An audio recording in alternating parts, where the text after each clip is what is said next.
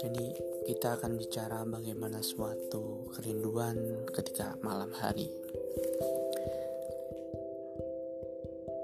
Menjelang malam hari, rintik-rintik hujan turun dari langit.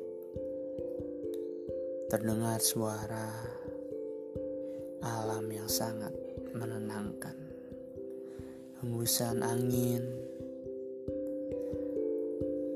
membuat diri ini semakin tenang. Entah apa yang sedang terjadi,